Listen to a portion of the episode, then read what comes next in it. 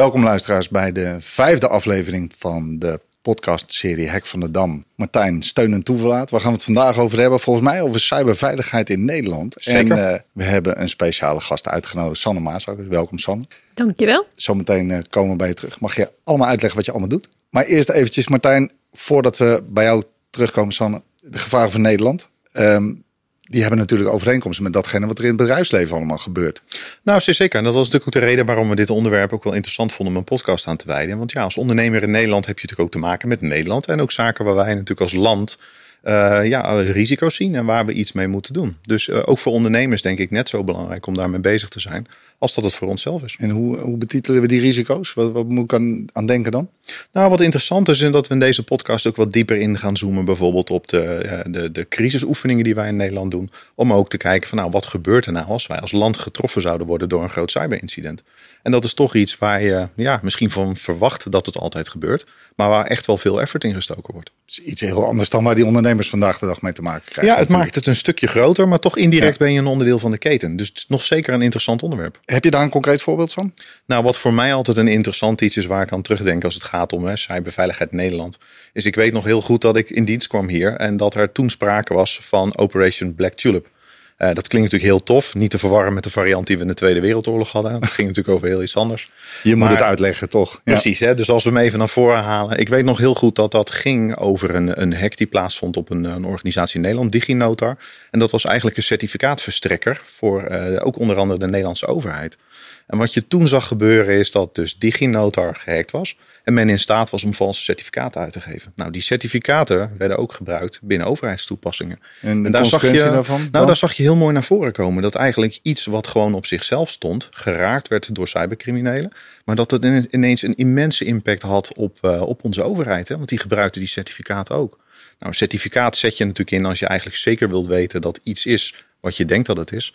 Ja, en daar zag je dus eigenlijk in die hele keten ineens enorme paniek ontstaan. Toont veiligheid aan, maar het was het niet meer. Precies, hè, want het kon eigenlijk gegenereerd zijn door iemand met kwade bedoelingen. En dat is voor mij altijd wel een, een, een, ja, een casus geweest dat ik dacht, als ik nou denk aan cyberveilig Nederland, dan komt die altijd wel naar boven. Ja. Dat je toch als land ergens kwetsbaar kan zijn als dat soort dingen plaatsvinden. Nou, we duiken er zo verder op in, maar uh, onze gast natuurlijk, Sanne, welkom. Dankjewel. Je komt voorheen bij Fox vandaan, Fox IT, uh, veiligheids- uh, of security bedrijf. wat doe je nog meer? Um, nou ja, ik heb daar dus een aantal jaren gezeten en daar heb ik dus voornamelijk uh, organisaties getest op kwetsbaarheden. Dus kijken of ze kwetsbaar zijn voor kwaadaardige hackers. Um, en daarna ben ik eigenlijk de publieke zaak gaan dienen uh, en uh, probeer ik nu Nederland een stukje veiliger te maken. En uh, daarnaast uh, doe ik dat ook door bijvoorbeeld uh, kinderen een stukje mee te geven over cyberveilig op internet zijn. En probeer ik jongeren te inspireren om ook iets in het vak te gaan doen. Want we hebben die mensen nodig. Want je zegt het al, we hebben die mensen nodig. Maar zie je daar nog een ja, gat in de markt? is een beetje een raar woord, maar gebrek, het is nodig. De gebrek kunnen wel noemen, denk gezegd. Ik, ja. ja. Ja, nee, er, er zijn veel meer cybersecurity specialisten nodig om, uh, om de kwaadaardige hackers buiten de deur te houden. Het blijft een kat-en-muisspel, dus uh, dat uh, spel moeten we ook goed aangaan. En het spel is nog niet gespeeld. We zijn ook nog niet game over, maar we moeten in ieder geval wel. Het is wel goed, tijd voor actie. Precies, tijd voor actie. En die, die kindjes, ik heb zelf kindjes, hoe, hoe, hoe doe je dat? Nou ja, ik laat ze zien wat het belangrijkste is als zij zelf het internet opgaan. En dat begint al best wel vroeg. Ik bedoel, volgens mij heeft tegenwoordig best wel wat uh, kinderen in de klas hebben een iPad of een andere tablet waarmee ze op YouTube kunnen. Of uh, die lenen ze of die gebruiken ze. Ja, dan is het natuurlijk ook wel heel erg belangrijk dat ze iets weten van wat is wel of niet betrouwbaar. Als ja. ik een account aanmaak, van hoe zorg ik ervoor dat ik een uh, account heb dat veilig is. Uh, dat ze niet zomaar berichtjes moeten achterlaten onder een YouTube-filmpje van iemand anders. waarin zij rare dingen zeggen, omdat soort, dat soort dingen altijd uh, online blijven staan. Dus het is aan de ene kant ook wel technisch, maar aan de andere kant probeer ik ze ook wel een beetje. Ja, de gevaren veiligheid, van het... maar een stuk ook een beetje bewustwording. Oh, een stukje awareness, gevaren van het internet ook zien. En uh, ja, dat is dus vanaf een jaar of acht al. Uh, en dat wordt eigenlijk steeds moeilijker naarmate je ouder wordt. Dus uh, biedt voor iedere leeftijd iets anders aan. Ja, is het naarmate je ouder wordt spannender om op internet te zijn? Of juist meer gevaarlijker? Nou, ik denk dat voor jongere kinderen het vooral belangrijker is om te laten zien wat er allemaal kan gebeuren. En dat ze zelf wat bewuster zijn. En ik vind het heel erg leuk om ja, bijvoorbeeld voor, voor kinderen en jongeren vanaf 12 jaar ook te laten zien hoe tof het kan zijn. Uh, bij hacken en bij cybersecurity hebben kinderen vaak het idee van dat het ja, op een zolderkamer is, in een zwarte hoodie en dat het iets heel slechts is, terwijl het ook heel veel leuke dingen kan opleveren. Dus die probeer ik meer te inspireren om ook iets met het vak te doen. Nou, hoe ben jij erin gekomen dan? Ja, nou, dat, oh, dan gaan we way, way back, zou je bijna zeggen. Ehm, maar ja, ik eh, was denk ik zo'n heel vervelend kind dat voor verjaardagen altijd boeken vroeg over HTML en andere, nou ja, dat is codeertaal en andere programmeertalen. En ehm, dat, die, die las ik dan op de camping. Ik had helemaal geen computer bij me, maar ik vond het hartstikke leuk om te lezen. En dan deed ik dat thuis, uh, ging ik daarmee aan de slag. Ehm, maar toen ik 13 was, ben ik zelf gehackt geweest. Oh. En toen gebeurde het. Ja. Boom, toen gebeurde het. Ik had een eigen website. Ik uh, vond het heel leuk om, uh, om te coderen en te programmeren. Dus ik had een eigen website. En van, op de, een of, van de een op de andere dag uh, was die website vervangen door iets heel anders. Iets wat je absoluut niet wilt. En toen vroeg ik me af, ja, is dit doordat ik zelf iets verkeerd heb gedaan? Heb hm. ik ergens een programmeerfoutje gemaakt waar iemand anders misbruik van heeft gemaakt? Dat bleek gelukkig niet zo te zijn. In ieder geval niet bij mij. Dat bleek uh, de, de, de hoster te zijn. Dus de plek waar mijn website stond. Uh, die bleek uh, aangevallen te zijn door een aanvaller. Of door een crimineel of hacker. Um, maar op dat moment was ik wel een stuk meer geïnteresseerd om te kijken hoe ik mijn eigen website zo veilig mogelijk kon maken. Ja, dus je bent gaan onderzoeken, mag ik aannemen. Precies, toen ben ik. Het vandaan? Precies, dus toen ben ik ook gaan proberen mijn eigen website te hacken. En dan ga je er meer over lezen. Oh, En ook over hoe je dat dan het beste uh, kan tegengaan. Hoe je uh, op een veilige manier moet programmeren. Dus daar is het begonnen. Um, en later um, met een kleine omzwerving uh, ben ik bij een IT-opleiding terechtgekomen. En daar heb ik eigenlijk ook alle vakken die ik kon kiezen richting security gekozen. En daar, uh... Had je daar nou echt een aanbod nog in, in vakken? Want je ziet toch wel dat dat nog steeds wel heel erg beperkt is op opleidingen. Was, was dat voor jouw gevoel echt wel dat je zegt, oké, daar had ik echt een richting die ik in kon gaan om daar te komen? Um, ik denk dat dat heel erg verschilt ook van opleiding. Um, zelf uh, zat ik eerst in Eindhoven op de TU Eindhoven en ben ik geswitcht naar uh, Universiteit Utrecht. Dat was op dat moment de universiteit waar je de meeste keuzevrijheid ja. had. En uh, dat wilde ik heel graag. En wat ik ook fijn vond, is dat bijna ieder vak voor de helft uit practicum bestond en voor de helft uit theorie. Dus ik vond het gevoel dat je het ook echt kon doen uiteindelijk. Ik vond het eigenlijk veel leuker om praktisch te bezig te zijn dan uh, in de boeken te zitten. Dus je hebt heel vaak je eigen website gehackt uiteindelijk. Doe ik nog steeds. Doe je nog steeds? Doe het nog steeds. En lukt het ook steeds? Ja. Nou ja, dat is uh, als je weet hoe je het wel goed moet doen, weet je ook waar de foutjes kunnen zitten. Dus dan kan je, er, uh, kan je die aanvallen. Um, meestal is het natuurlijk, ja, als, als slaag je eigen vleeskeuren niet de allerbeste oplossing. Nee, maar het is bijvoorbeeld wel leuk dat als er een kwetsbaarheid uitkomt en je die nog niet hebt gedicht, om te kijken hoe een aanvaller die nou eigenlijk kan misbruiken. En dat is wel heel tof om dat uh, gewoon op je eigen site te zien als, uh, als effect bijvoorbeeld. Ja, grappig. Uh, cyberveiligheid in Nederland. Volgens mij moeten we zo meteen een stapje maken naar een, een cybersecurity oefening Isidor. daar kun je volgens mij alles over vertellen over hoe dat gegaan is, wat dat inhoudt en wat dat betekent. Eventjes Martijn, jou de vraag. Wat valt er nou in Nederland te halen? als het om eh, het aanvallen van een land gaat? Ja, ik denk als je kijkt naar het aanvallen van een land, dat je dan natuurlijk altijd met bepaalde groeperingen te maken hebt die dat toch wel meer die kant op doen. Uh, maar wat valt er te halen? Ja, denk aan informatie. Uh, denk aan militaire inlichting informatie. Denk aan uh, allerlei informatie van, van kritische en vitale organisaties. Dus als je gaat kijken, denk ik dat je ervan schrikt hoeveel er in die zin nog te halen ja. is in Nederland. En, maar, en ik denk ook dat als je kijkt naar land, dat je daar ook ja, als land zijn er permanent mee bezig bent. Enerzijds om te weten wat gebeurt er in de rest van de wereld. Maar anderzijds ook van ja, hoe voorkom ik dat een andere statelijke actor misschien bij mij eens komt kijken wat daar te halen valt. Dus ik denk zeker iets waar we meestal heel veel niet van zien. Maar wat wel een serieus onderwerp is op dat vlak. Nou, in deel 2 gaan we kijken wat dat Isidor precies inhoudt. Dus uh, we zijn zo bij u terug.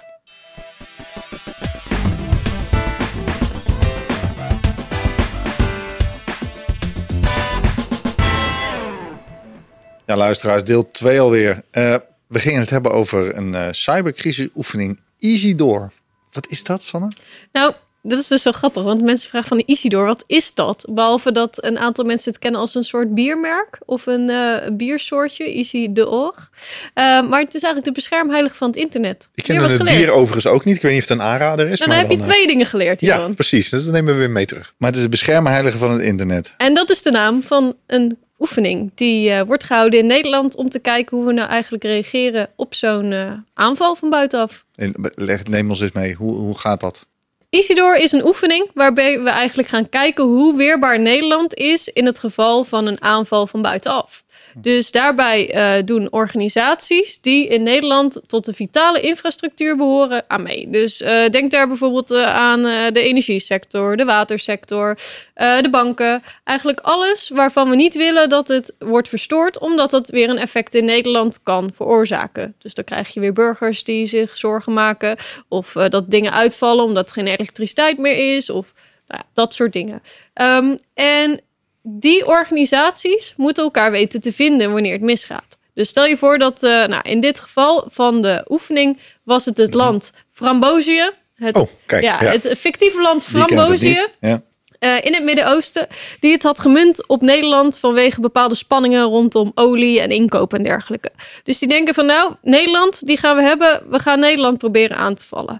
We moesten dus kijken of wij met al die bedrijven binnen de mhm. vitale infrastructuur die specifiek werden aangevallen, of wij een front konden vormen tegen uh, dat. Tegen die aanval. Ja, precies. Want wat je dus ziet, en dat, dat in dit geval is dat uh, een, een Frambozië het heeft, heeft gemunt op dat soort vitale infrastructuur, omdat je daar best wel wat effect mee kan bereiken. Maar ook, zoals Martijn al eerder zei, die hebben misschien ook wel hele boeiende informatie waar ze iets mee konden doen.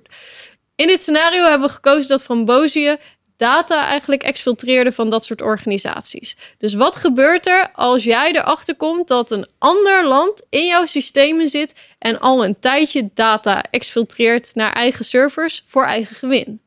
Um, dat was het scenario en daar kregen de deelnemers aan de oefening steeds meer informatie over.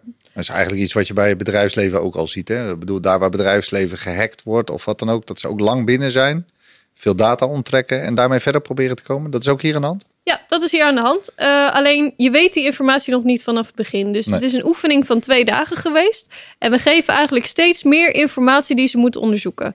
Um, dat kan informatie zijn zoals een PCAP-bestand, dus eigenlijk inf informatie over het netwerkverkeer. Mhm. Dat kan informatie zijn van een harde schijf. Uh, dus een disk image. Dat kan een memory dump zijn, dus gegevens die in het geheugen staan, die een aanval kunnen aangeven. Uh, die informatie werd eigenlijk, zodra er meer bekend was, werd die gegeven aan de deelnemers aan de oefening. En die moesten dus kijken wat er met hen zelf aan de hand is. Want vanuit eerste je weet niet wat er aan de hand is. Je ziet alleen dat er iets bij jou aan de hand is zelf. En je hebt natuurlijk een stukje bewijs dan wat zegt dat er iets aan de hand is. En dan, dan start je eigenlijk. Dus dan moet je eerst met de operatie technische analyse doen over die bestanden.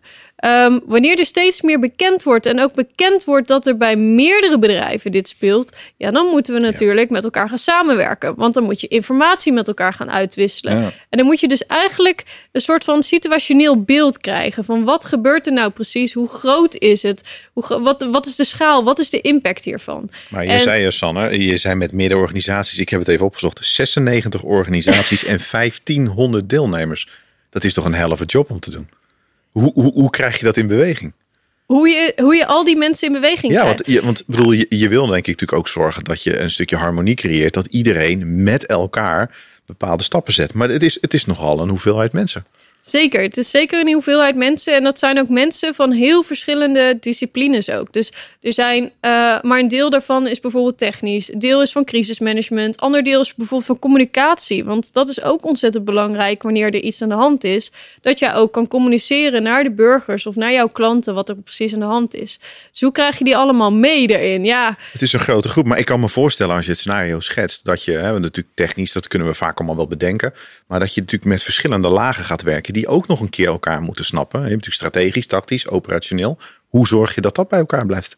Want daar zit volgens mij wel een serieuze uitdaging. Dat is zeker een serieuze uitdaging. En dat is ook een van de leerpunten, denk ik. Een van de grotere leerpunten.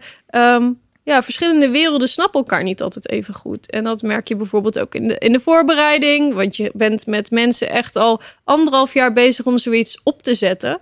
Dan merk je dus ook dat in de voorbereiding soms technische mensen er heel anders in staan dan de crisismanagers. Of uh, bij de strategische mensen die uh, meedoen aan de oefening. Dus um, ja, ik als technisch persoon zat op die manier in de oefening. Ik zorgde voor het scenario en ik maakte eigenlijk de aanval digitaal en gaf daarvan de informatie uh, aan de deelnemers. En ik kon heel goed sparren met technische mensen, want die krijgen informatie, die weten wat ze ermee moeten Ja. doen en die trekken daar Die kennen conclusie dat, uit. dus weten wat ze ermee kunnen. Precies, Ja. alleen ik kan niet de effecten voor iedere organisatie inschatten. Als ik zeg van nou, er zit een, een, een, een ander land, of hackers van een ander land zitten in jouw systeem en die hebben eh, eh, Cobalt Strike. Dan ga ik ook eh, met eh, moeilijke woorden strooien.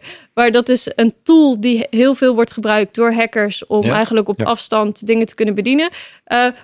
Die zitten, eh, de hacker zit dus met die tool bij jou binnen. Wat is daarvan het effect? Wat ga je dan nu gelijk doen? Dus je moet eigenlijk met meerdere mensen heel erg stap voor stap gaan kijken. Oké, er gebeurt niet dit. Wat is dan het effect? Wat zouden jullie nu dan gaan doen? En dan kijken de technische mensen toch net iets anders dan, Ja, en maar naar, dan bijvoorbeeld een, een crisismanager. Want die kan dat een stuk lastiger duiden. En die zou misschien zeggen van, nou ja, weet je, je zit wel binnen, maar eh, ja, we hebben nog helemaal geen indicatie dat de data zo. weg is. Ja. Ja, maar dat is natuurlijk ook denk ik elkaars blikveld. Hè? Want de een zegt technisch van oké, ik zie iets en daar vind ik iets van. Maar een ander zal misschien het feit dat zoiets gebeurt, bijvoorbeeld het maatschappelijke, de maatschappelijke impact gaan afwegen. En want daar Ja, zit natuurlijk ook verschil in vanuit welke discipline je daarop reageert. Lijkt me best een lastige klus. En, parallel met bedrijfsleven, zo hoor ik. Want volgens mij is het naadloos daarop te kopiëren. Mensen Ja. zitten binnen, eh, ze willen iets, ze stelen potentieel iets. We weten het niet per se. Eh, wat gaan we dan doen? En gaat oefenen. En ik denk dat dat ook een hele belangrijke is. Die je natuurlijk, nou in dit geval is dat ge- gericht op land, hè, op Nederland in die zin. Maar goed, jij haalt het, het kapstokje naar het bedrijfsleven aan. Dit is natuurlijk in kleinere vorm hetzelfde als in een organisatie. En zorg dat je voorbereid bent, zorg dat je plannen hebt. En, en Ja. oefen het om te zien wat de impact is. De maar weet ook wat de impact eh, is voor je hebben we het al organisatie. gehad natuurlijk. Ja. Maar dat staat meestal op papier. Eh, en hoe, Fijn om te hebben, maar- Precies, fijn om te hebben. Eh, het wordt ook eh, stapsgewijs doorgenomen tijdens bijvoorbeeld de tabletop. Maar ja, als je het niet oefent, dan weet je ook niet of dat hele proces op papier eigenlijk wel zo goed is. En dat is dan ook wel grappig als je dat een keer... eh, probeer het eens een keer echt Ja. na te spelen. Dan kom je erachter dat diegene op, op het papier dat je hebt staan helemaal niet bereikbaar is. Of geen idee van wat diegene Of moet doen. werkt. Of dat er bijvoorbeeld stond, dat, eh, dat is bijvoorbeeld eh, ook een andere oefenvorm, purple teaming, waarbij je eigenlijk met aanval en verdediging samen gaat kijken of je elkaar kan detecteren, of je erachter kan komen wat er precies gebeurt. Maar dat jij op papier hebt staan, schakel de computer die getroffen is uit of, eh, of, of sluit de netwerkverbinding af. Ja. En dat ze dan denken van, oké, gaan we doen. Maar hoe komen we erachter waar die computer staat en wie erachter zit? Ja, dat kan dus heel goed op papier staan. Maar als je het niet echt een keer oefent en gaat kijken van... nou, hoe gaan we naar die persoon en gaan we zeggen... dat we die computer mee gaan nemen voor onderzoek? Ja, dan is dat gewoon zo nuttig om het een keer echt helemaal door te lopen... in plaats van alleen op papier te hebben. Ja, dus niet alleen maar voor eh, het land, zeg maar, waarin een aanval eh, geoefend is. Maar eh, je boodschap is ook, joh, dat zou je in het bedrijfsleven ook gewoon moeten doen. Zeker, we doen, Weet wat er gebeurt. we doen ieder jaar brandoefeningen als het goed is. Om Ja. te kijken of we iedereen heel snel naar buiten kunnen krijgen... Ja. en de brand kunnen blussen. Dus waarom doen we geen digitale brandoefening dan? En het gek is, die brandoefening is voor iedereen logisch hè, dat je die doet. Het is gewoon normaal en dat, dat ding gaat en iedereen gaat lopen. En toch zie je als het gaat om op dat gebied op cyber, als je, als je organisatie geraakt zou worden, en dat mensen dat nog steeds denken, oh ja, moet ik daar dan wat mee? En ja, dat doe ik eigenlijk niet. Maar dat brandalarm is eigenlijk ingeburgerd. Het is wel jammer dat dat niet dezelfde waarde nog heeft als je cybercrisisoefening. Misschien ook omdat het een stuk minder zichtbaar is voor heel veel mensen Ja, nog. ongrijpbaar. Ja. Ja, terwijl je het ondertussen zou zeggen dat cybersecurity niet Is echt meer zo... eh, 2022, precies, niet meer zo ongrijpbaar is. Nou ja, te maar, veel in de media natuurlijk. Dus eh, het kan aan niemand meer voorbij gegaan zijn inmiddels, toch? Nee, zeker. Maar eh, als, je, als je brand voor je ziet, dan weet je dat je moet rennen. En eh, ja, bij een digitale aanval is het meestal niet zo zichtbaar. Ja, op een gegeven moment wel als je bijvoorbeeld zo'n ransomware scherm voor je hebt... dat er Ja, toch iets aan de ja. hand is. Ehm, maar ja, dan... eh, Maar ja, degene die natuurlijk vaak zich richten op een land zijn natuurlijk vaak uit op daar zo lang mogelijk binnen blijven en zoveel mogelijk bemachtigen. Dus ja, dan kun je natuurlijk wel voorstellen dat die niet snel iets gaan vertellen van hoor je, hier ben ik.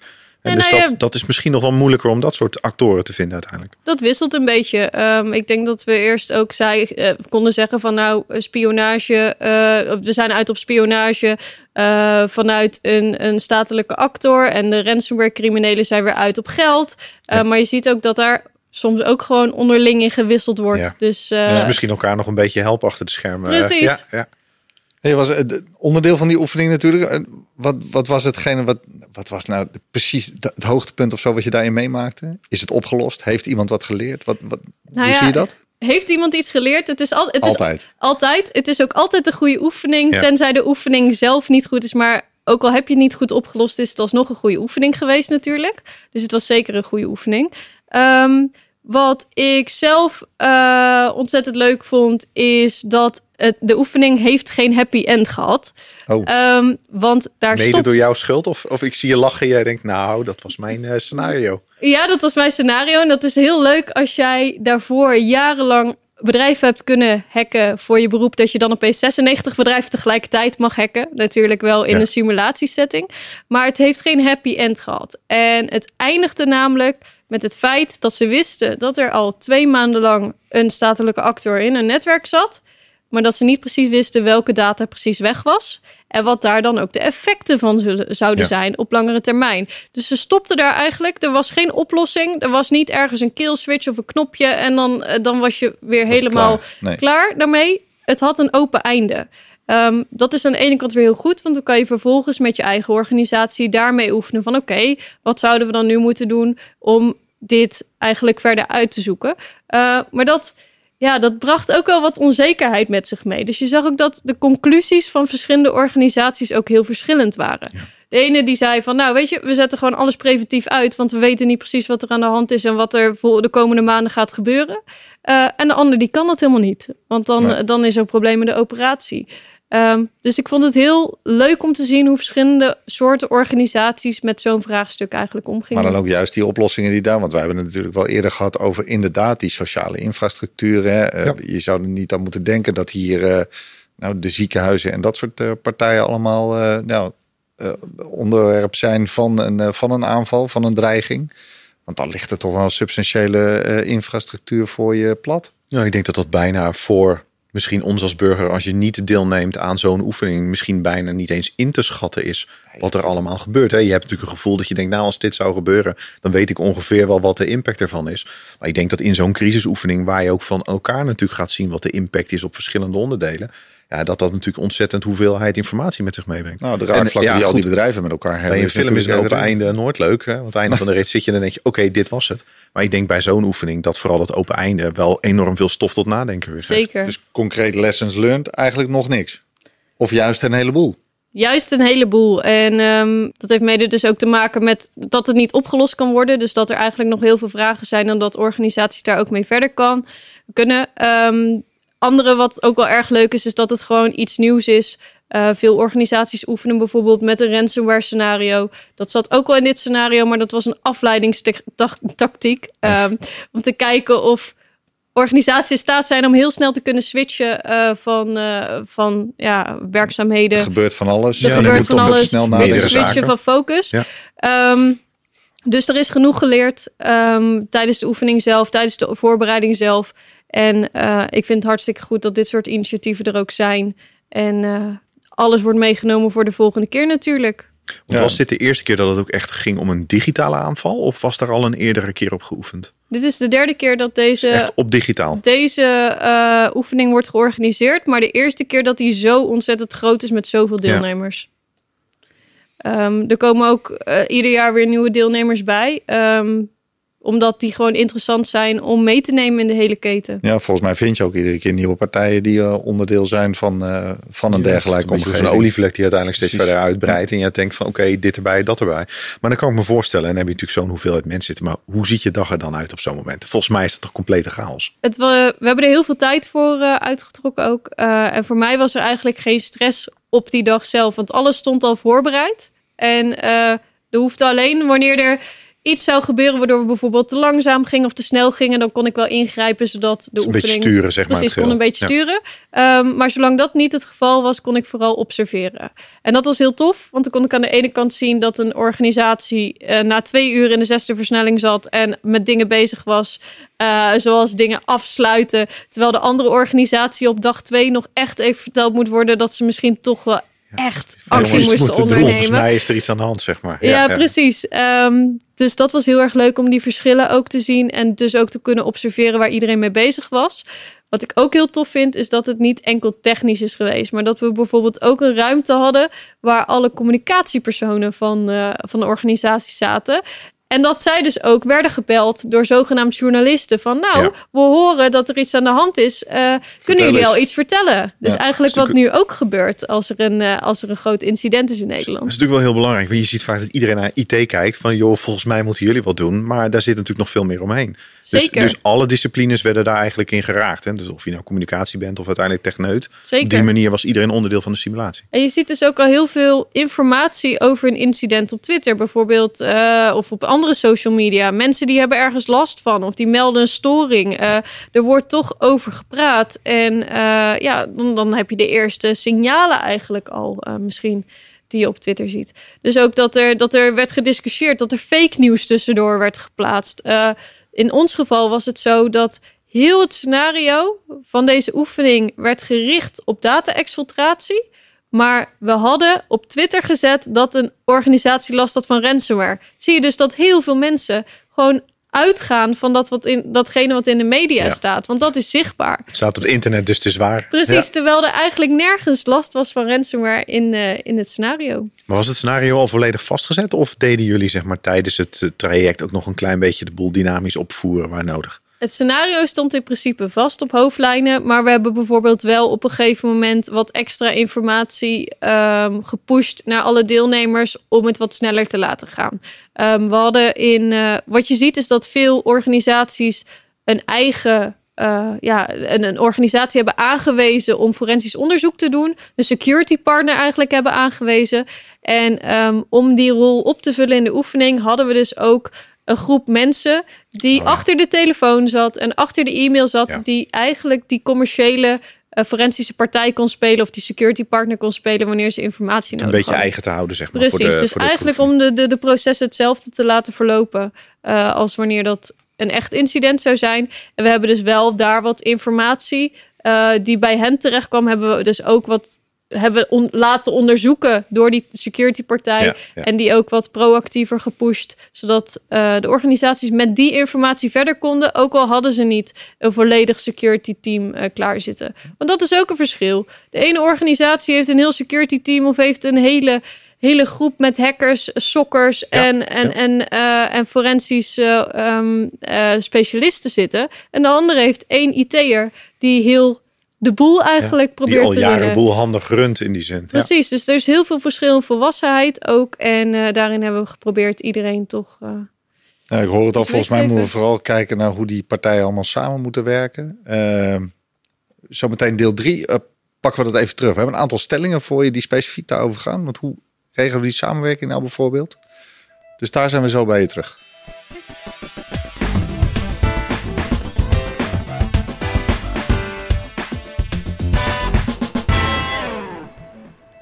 Luisteraars, deel 3 alweer. En eh, Sanne, we hebben een aantal stellingen voor je.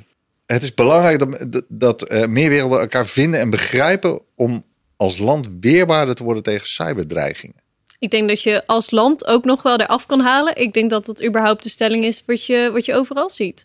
Eh, dus dat technische mensen en wat is het, het nou eerder de tactische laag, de operatie, de strategische laag elkaar weten vinden in het geval van een crisis. Als jij niet goed met elkaar praat en er allemaal vertaalfouten tussen zitten, ja, dan, dan kan dat enorm tegen gaan werken op het moment dat er dus zo'n crisis is en je snel moet gaan handelen. Dus we laten landen sowieso maar weg, want het heeft overal, heeft is het overal. overal. van toepassing. Ja, zeker. Ja, dat kwam natuurlijk ook echt naar voren als een van de leerpunten natuurlijk uit het Easy Door traject. Dat zag je dat ook naar voren komen. Maar ja, goed, dat zie je natuurlijk in het bedrijfsleven, idem dito. Ik denk als het gaat als organisatie, wil je nou echt stappen zetten, dat het gewoon cruciaal is dat je gaat leren om met elkaar daarover te praten. En wat wij natuurlijk vanuit de ondernemers vooral herkennen, is dat dat praten directie en ook met die IT-manager over dezelfde uitdaging. Ja. En net wat je zegt, daar kun je hem eigenlijk al kleiner maken natuurlijk. Nou, we hebben het eerder al wel gevonden, hè, daar waar het gebeurt dan. Hè, is het nou een schaamteproces en moet je daar niet open over zijn en kun je daar dan niet met elkaar breder op inzetten?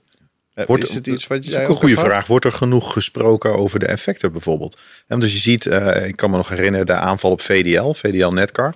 Dan zag je toch dat het heel erg stil bleef. Eigenlijk niks naar buiten gebracht werd. Dat er heel veel kritiek was, ook vanuit andere organisaties. En ook overheidsdiensten van jongens, weet je, het is, je moet hier wel over praten. Je wil hier ook van leren. Herken jij dat ook, dat dat wel wat, wat Nee, beter dat, wordt? dat je Of- eigenlijk wilt dat organisaties een maatschappelijke verantwoording of zo ja, hebben. zo Dus zou je het dat- wel een beetje kunnen Ja, vormen. nou ja, hoe meer informatie we delen met andere organisaties wanneer er iets is gebeurd, hoe beter eigenlijk. We kunnen daarvan leren. Kijken hoe uh, je ermee om bent gegaan. Wat je lessons learned zijn. Kan andere organisaties alleen maar helpen om een stukje weerbaarder te worden. En je ziet dat de ene organisatie dat heel goed doet. Uh, tot aan persconferenties aan toe, waarop wordt, waarin wordt verteld hoe ze het hebben aangepakt en hoe dat in zijn werk is gegaan. En de andere organisatie heeft een uh, veel geslotenere cultuur en, en deelt er eigenlijk niks over. En dat is, dat is zonde.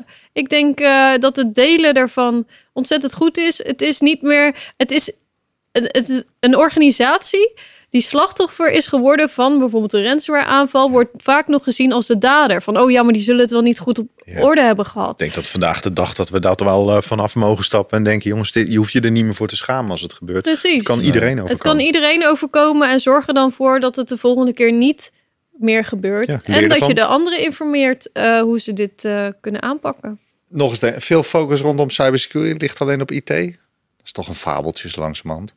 Ik denk dat uh, cybersecurity iets is wat je met z'n allen doet.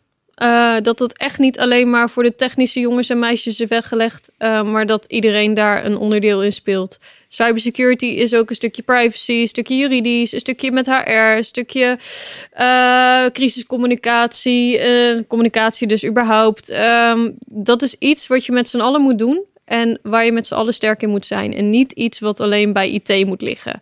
En ik denk uh, dat dat in bedrijven ook best wel zichtbaar is. Nou ja, ik denk dat als je kijkt, ook, IT wordt natuurlijk vaak gezien als speerpunt als het gaat om veiligheid. Er zit natuurlijk ook nog een heel een stukje OT, zoals we dat zo mooi noemen. Er zit natuurlijk ook nog heel veel achter waar we wat minder focus op hebben.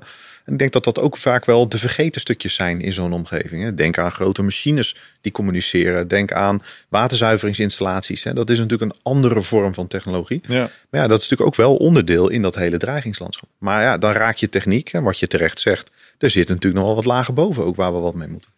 Nou, je ziet het ook aan de eerdere uh, afleveringen die we maakten. Hè? Dat uh, bewustwording, hoe ga je dan ook vanuit de hoogste regionen daarmee om? Ja. Uh, en dat is niet per se alleen maar, alleen maar techniek, maar ja. besluitvorming, welke keuzes maak je? Nou ja, volgens mij haalde je het net al aan. Je moet iedereen meekrijgen om, ja. om weerbaar te zijn.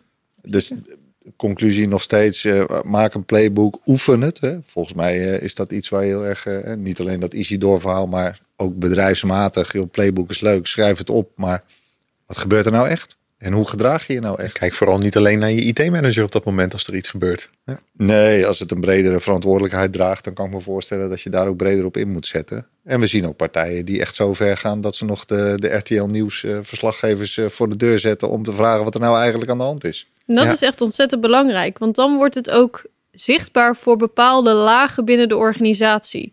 Als jij als organisatie wordt getroffen en er staat een, iemand van eh, een, nieuws, uh, van een nieuwsuitzending voor de deur. En die gaat vragen naar de CEO of de directeur van de organisatie. Want die vraagt, nou, hoe heeft dit nou kunnen gebeuren?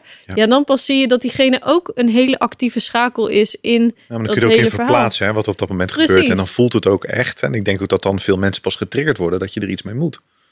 Ja, wat is de conclusie? Gebeurt er te weinig? Zie je steeds meer wel dat daar bewustwording ook uh, op dat niveau, uh, ja, in ieder geval er is. Ik denk dat security specialisten heel hard bezig zijn om die bewustwording te verkrijgen. Te creëren, ja. De vraag is. Zo'n lange route. Het, precies. Uh, dat is niet in één dag geregeld, denk ik.